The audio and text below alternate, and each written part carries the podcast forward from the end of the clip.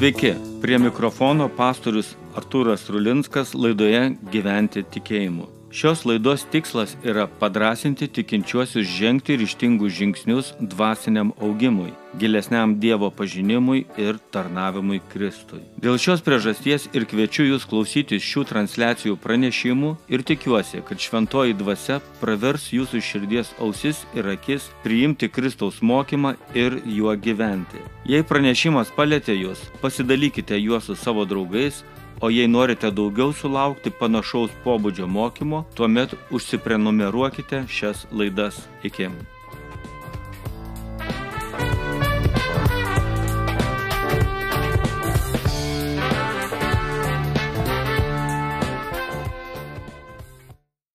Ir noriu kalbėti šiandien iš vieno iš mūsų skaitinių pagal Izaijo 61 skyriaus, kurį skaitėm iš pradžių.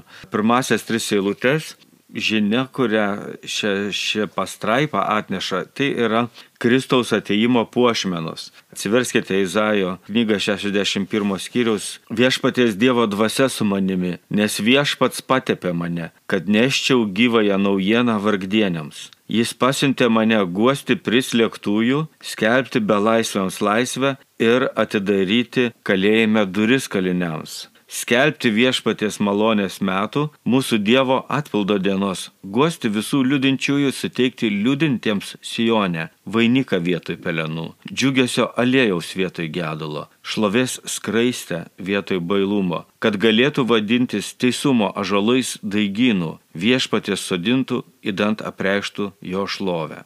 Vienoje iš tokių populiarių kalėdinių giesmių, kurias galima išgirsti prekybcentriuose radijoje, yra tokie žodžiai. Šis yra pats nuostabiausias metų laikas. Angliškai skamba This is most wonderful time of the year. Ir pagalvojau, taip, žmonėms Kalėdos yra nuostabus metas, daug dovanų, švenčių, laisvadienių, šeimos susitikimų. Ir mūsų kultūra šitam su laikotarpį papuošė įvairiais šviesos bliksniais, blizgesiais, džiaugsmais. Iš tiesų daugeliu žmonių tai ir yra nuostabus metas ir apie tai kūriamos dainos.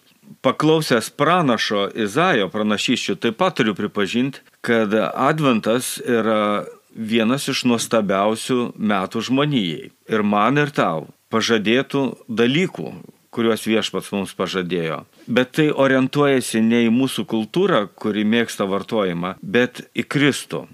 Kristus ateidamas mus puošia ne blizgučiais, bet daug vertingesnėmis dovanomis. Čia tos trys dovanos, apie kurias aš dabar kalbėsiu, tai malonės vainikas yra mūsų išaukštinimas, džiugesio aliejus patepimas ir šlovės skraistė jo apgaubimas. Malonės vainikas išaukštinimas. Pradėsiu klausimu. Ar savo namuose jau turime pasidarę po Advento vainiką ir papuošę jį keturių Advento sekmadienių žvakutėmis? Jeigu paklausite, ar tai būtina, tikrai nėra, nes nu, viskas priklauso nuo to, kokią reikšmę mes suteikiam vainikui. Daugelis iš mūsų, artėjant kalėdom ar naujiesiams metams, mes savo namus puošiam, kaip mums atrodo gražiau, kas statome eglutės, kas puošiame vainikus, kas ir eglutės ir vainiko, o kai kas dar ir turim prakartėlės. Ar tai būtina? Jeigu turi mažų vaikų, tai atrodo man būtina, nes jiems yra svarbu, kur tas dovanos bus padėtos. Lengviau taip rasti. Ir sezoniniai simboliai jie atsirado ne iš tuščios vietos, nėra būtina jos iškart priskirti pagoniškam ir stabmeldiškam paveldui, kaip eglutė ar vainikas. Šie turi daug krikščioniškos simboli, simbolikos ir papročių. Vainikas yra paprotys. Lietuviams vainikas labiau asocijuojasi su vestuvėmis, kuomet rūtų vainikėlis segamas jaunai prie plaukų, arba joninėmis, kuomet ažalo vainikas jonui dedamas ant galvos ir yra švenčiama. Krikščionims advento vainikas yra su savo keturiomis žvakelėmis simbolizuoja Kristaus ateimo laukimą, Dievo malonės laiką. Apie vainiką mes jau skaitome pranašo Izaijo raštuose, jo tiek tekstuose. Nors vainikas kaip garbės ženklas dedamas ant galvos, jau ta mintis yra naudojama net ir šventajame rašte nuo seniausių laikų. Pasižiūrėjau į daugelį reikšmių ir radau tai, kad tai yra valdžios ženklas, galiūno stiprybės ženklas, puošmena, sėkminga santoka, išmintis, puikumas, šlovė, džiaugsmas. Vainikai, kada buvo dedami šie ženklai ir tai buvo pažymima, ką tai reiškia tam žmogui. Ir žvelgiant į tai atrodo, kai jaučiasi žmogus puikiai arba kai jį įvertina labai puikiai, tai jam padaro ir uždeda vainiką. Kažkas panašaus į ordiną ar medalį.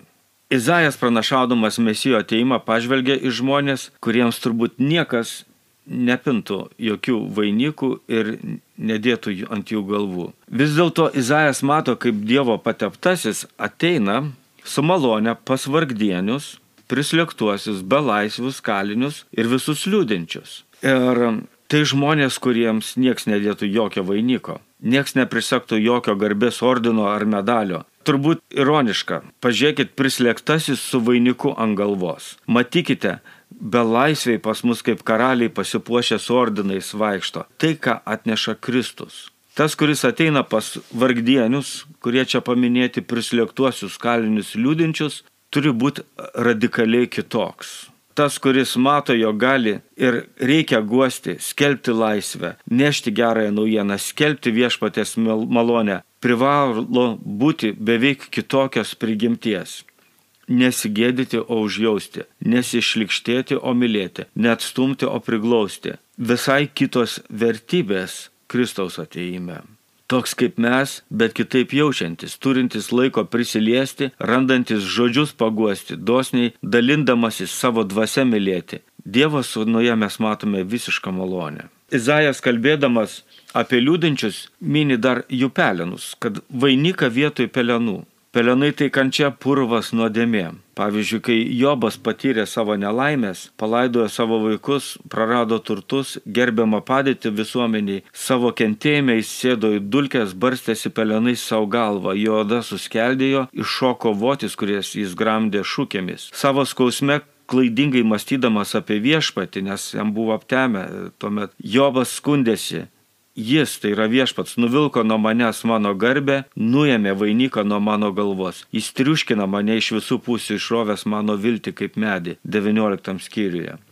Ir daugam gyvenime pelenai, dulkės, išrautos vilties jausmas yra artimesnė kasdienybė negu vainikas. Jei tau labiau tikėtina, kad ant tavęs greičiau kas nors pabarstys pelenų negu uždės vainiką, tai turbūt jau pradedi permastyti, kodėl gyveni, ar yra kokia nors kita gyvenimo alternatyva, nei prieš tai galvojai. Kas tu esi, koks tavo ryšys su Dievu. Pasidėjęs dulkėse apibarstytais pelenais, žmogus pasiruošia radikalioms permainoms, dvasiniam gyvenimui, matant, kad šiame pasaulyje nebėra ko tikėtis Tokiomis akimirkomis ir tuomet, tuomet savo akimis pradėti žiūrėti į dangų, ieškodamas jame Kristaus žvaigždės. Jau eidamas žemė klausai, kur išgirsi gerų žinių, arba aiškinsiesi su Dievu klausdamas, kuris raktas atrakins tave įkalinusias duris.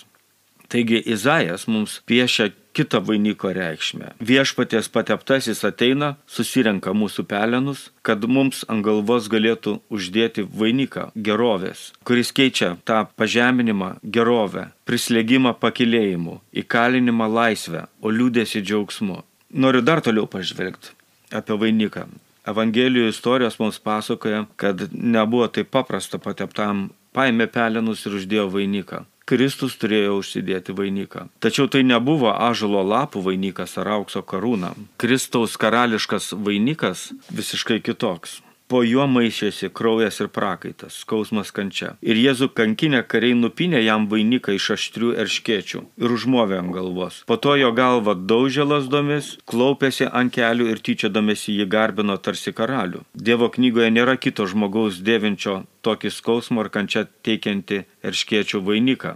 Kita vertus, būtent šiuo vainiku devintysis žmonėms suteikia tiek laisvės, džiaugsmo, vilties, gyvenimo prasmės, šviesos kaip niekas kitas žmonių istorijoje. Ir manau, kad yra gerai nusipinti Advento vainiką, ne tam, kad pasidaryti puošmeną namuose, tačiau kad žvelgiant į jį matyti viltį, prisiminti Kristaus vainiką, kurį mūsų visų nuodamės ant jo galvos užmovė karių rankomis ir kuris tapo jo karūną. Erškiečių karūną vainikuotas karalius, vedantis varguolius į gerovę, prislėgtuosius pakilėjimą, belaisvius į laisvę, o kalinius į paraštus naujus namus, liūdinčius praturtindamas džiaugsmu. Tai viena iš Kristaus pošmenų. Antra pošmena - džiugesio aliejus patepimas.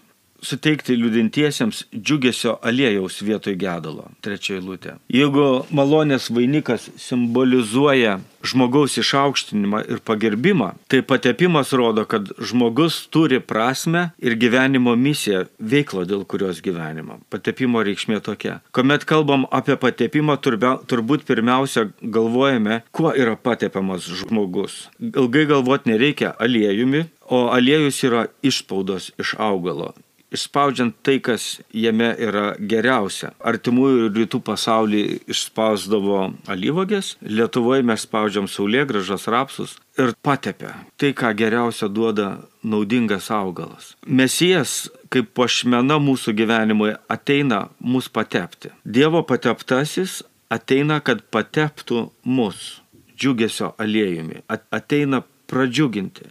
Mane taip įdomiai nustebino viena vieta iš tokio britų serialo, kuris vadinasi Karūna. Ten yra tokia scena, kada mačiutė karalienė moka jaunąją karalienę Elžbietą, jai sakydama, premjerai yra paskiriami, bet karaliai yra patepami. Ir karalienės mokymo mintis buvo ta, kad žmonių valia išrinktas ir paskirstas žmogus atlieka tam tikrą vaidmenį, tam tikrą laiką ir padaro tam tikrą skaičių gerų darbų, o karalius yra, kad laiminti, įgalinti, įteisinti. Labai kaip, kaip Kristus. Mes galim kažką padaryti, bet Kristus gali mūsų darbus laiminti, jis juos patvirtina, jie tampa am, amžinai vertingi. Dievas mus paskiria nedaryti darbus, bet patepa mus būti pasaulio šviesa. Ne pradėti ir užbaigti projektą, bet būti Dievo projektu visą savo gyvenimą druska šiame pasaulyje. Kodėl mums reikia džiugesio aliejaus patepimo? Izajas paaiškina vietoj gedulo. Gedulas tai yra gilus jausmas patyrus artimoje netekti. Ir dažniausiai gedime, kai atsisveikiname su savo brangiais žmonėmis arba praradę, kas mums yra brangu. Kuo brangiau yra tai, ką praradome, tuo gedulas stipresnis. XIX amžiaus švietėjiškos epochos filosofas Friedrichas Nyčia, mokydamas studentus, jiems aiškiai parodė, kad vakarų civilizacija pasirinko racionalumo kelią, kuris yra orientuotas į žmogų. Racionalumo kelią renkantis reikėjo atsisakyti Dievo autoriteto, Dievo moralės nuostatų. Čia savo knygoje Linksmasis mokslas taip aprašo vakarietiškai pasaulietčio požiūrį. Dievas mirė, Dievas mirė visiems laikams ir jį nužudėme mes. Kaip rasti nusiraminimą mums žudikų žudikams? Tai, kas buvo pasaulyje šviesiausia, galingiausia, paplūdo kraujais nuo mūsų peilių. Kas nuplaus kraują nuo mūsų rankų? Ar ne per didelė mums to galingo, didingo darbo našta? Galbūt mes patys turime virsti dievais, kad taptume verti to, ką padarėme. Nyčia išlinksmasis mokslas. Ar tai nėra, ko mes visi iš tiesų gedime? Mūsų gedalas, kad peiliais nužudėme Dievą ir pamatėme, kad neturime savo moralės. Bet dievais mums būti nepavyksta, kaip Nyčia pasiūlė. Nors ir kaip norėtume, nors ir kaip stengtumės. Jei nėra Dievo, moralinis kompasas nebeveikia, o mūsų kompasiukai rodo klaidingai. Išmagnetinta rodiklė, nuolatos rodanti į šiaurę, dabar rodo ten, kur kas nori, kad jį rodytų. Kieno gale to ir moralė komunizmas, fašizmas, islamizmas, modernizmas, postmodernizmas, feminizmas, LGTBizmas, spiritualizmas, liberalizmas. Visos šios filosofijos turi savo išmagnetintą kompasą ir paskui save veda minės į nežinę ir pragaištį. Jie be patepimo.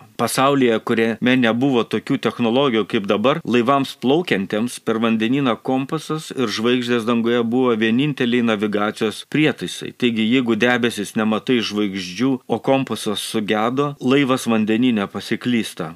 Įgula pražūna arba nuplaukia nežinia kur. Nėra lengva mums gyvenantis visuomeniai, kur žvaigždžių nebematom ir kompasų nebeturim. Visuomeniai be Dievo, kuri, kaip Nyčia sako, nužudėme savo rankomis. Vis dėlto netaip viskas prarasta. Dievas patepė Kristų, kad jis ateitų ir pateptų mus džiaugsmo aliejumi. Nustotume gėdėti savęs ir Dievo mirties. Kristus atėjo mus patepti džiugesio aliejumi, o ne netekties gedulų. Dievas mirė tiems, kurie jau patys savo mirė. Bet mums Kristus gyvas ir Kristus mums suteikia džiaugsmą.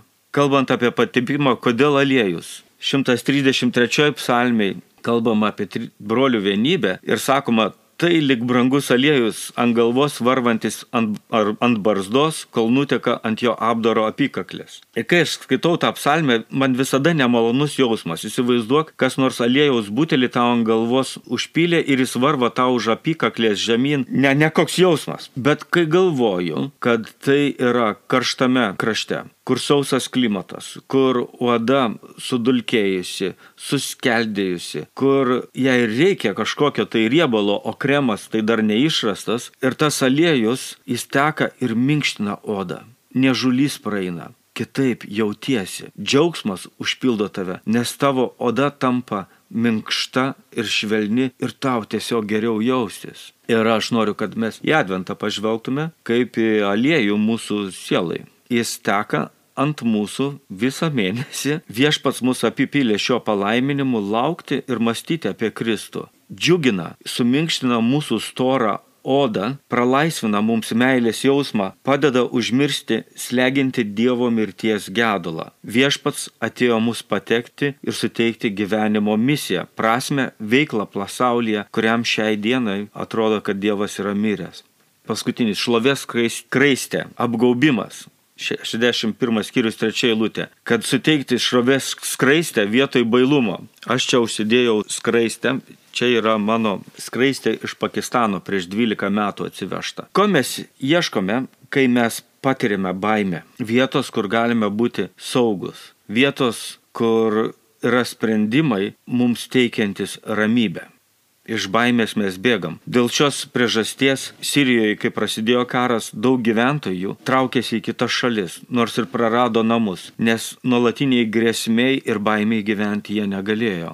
Izaijas gyveno laikotarpyje, kai buvo ko bijoti. Pavyzdžiui, Izaijo laikais Asirai buvo apsupę Jeruzalę ir greičiausiai ją būtų užėmę, jei jų stovykloje nebūtų prasiveržęs maras. Izraelio tauta tikrai keletą metų gyveno baimėje, pats karalius pasninkavo, dėjosi ašutinę, ieškojo pagalbos pas viešpatį. Pasakojimuose apie Jėzaus gimimą taip pat yra apstu baimės elementų. Kai rytų išminčiai ieškodami gimusio Jėzaus atėjo į Jeruzalę ir karalius sužinojo, kad jie ieško gimusio karaliaus, raštas sako, kad Erodas sunerimo ir tekstas sako, o su juo ir visa Jeruzalė. Kai Erodas sunerimdavo, žmonės žinodavo, nieko gero nelauk. Ir iš tiesų nieko gero nebuvo, nes Erodas pasiutęs išžudė visus kūdikius Betlėjoje. Ar mes turime gyvenime baimės ir nerimo?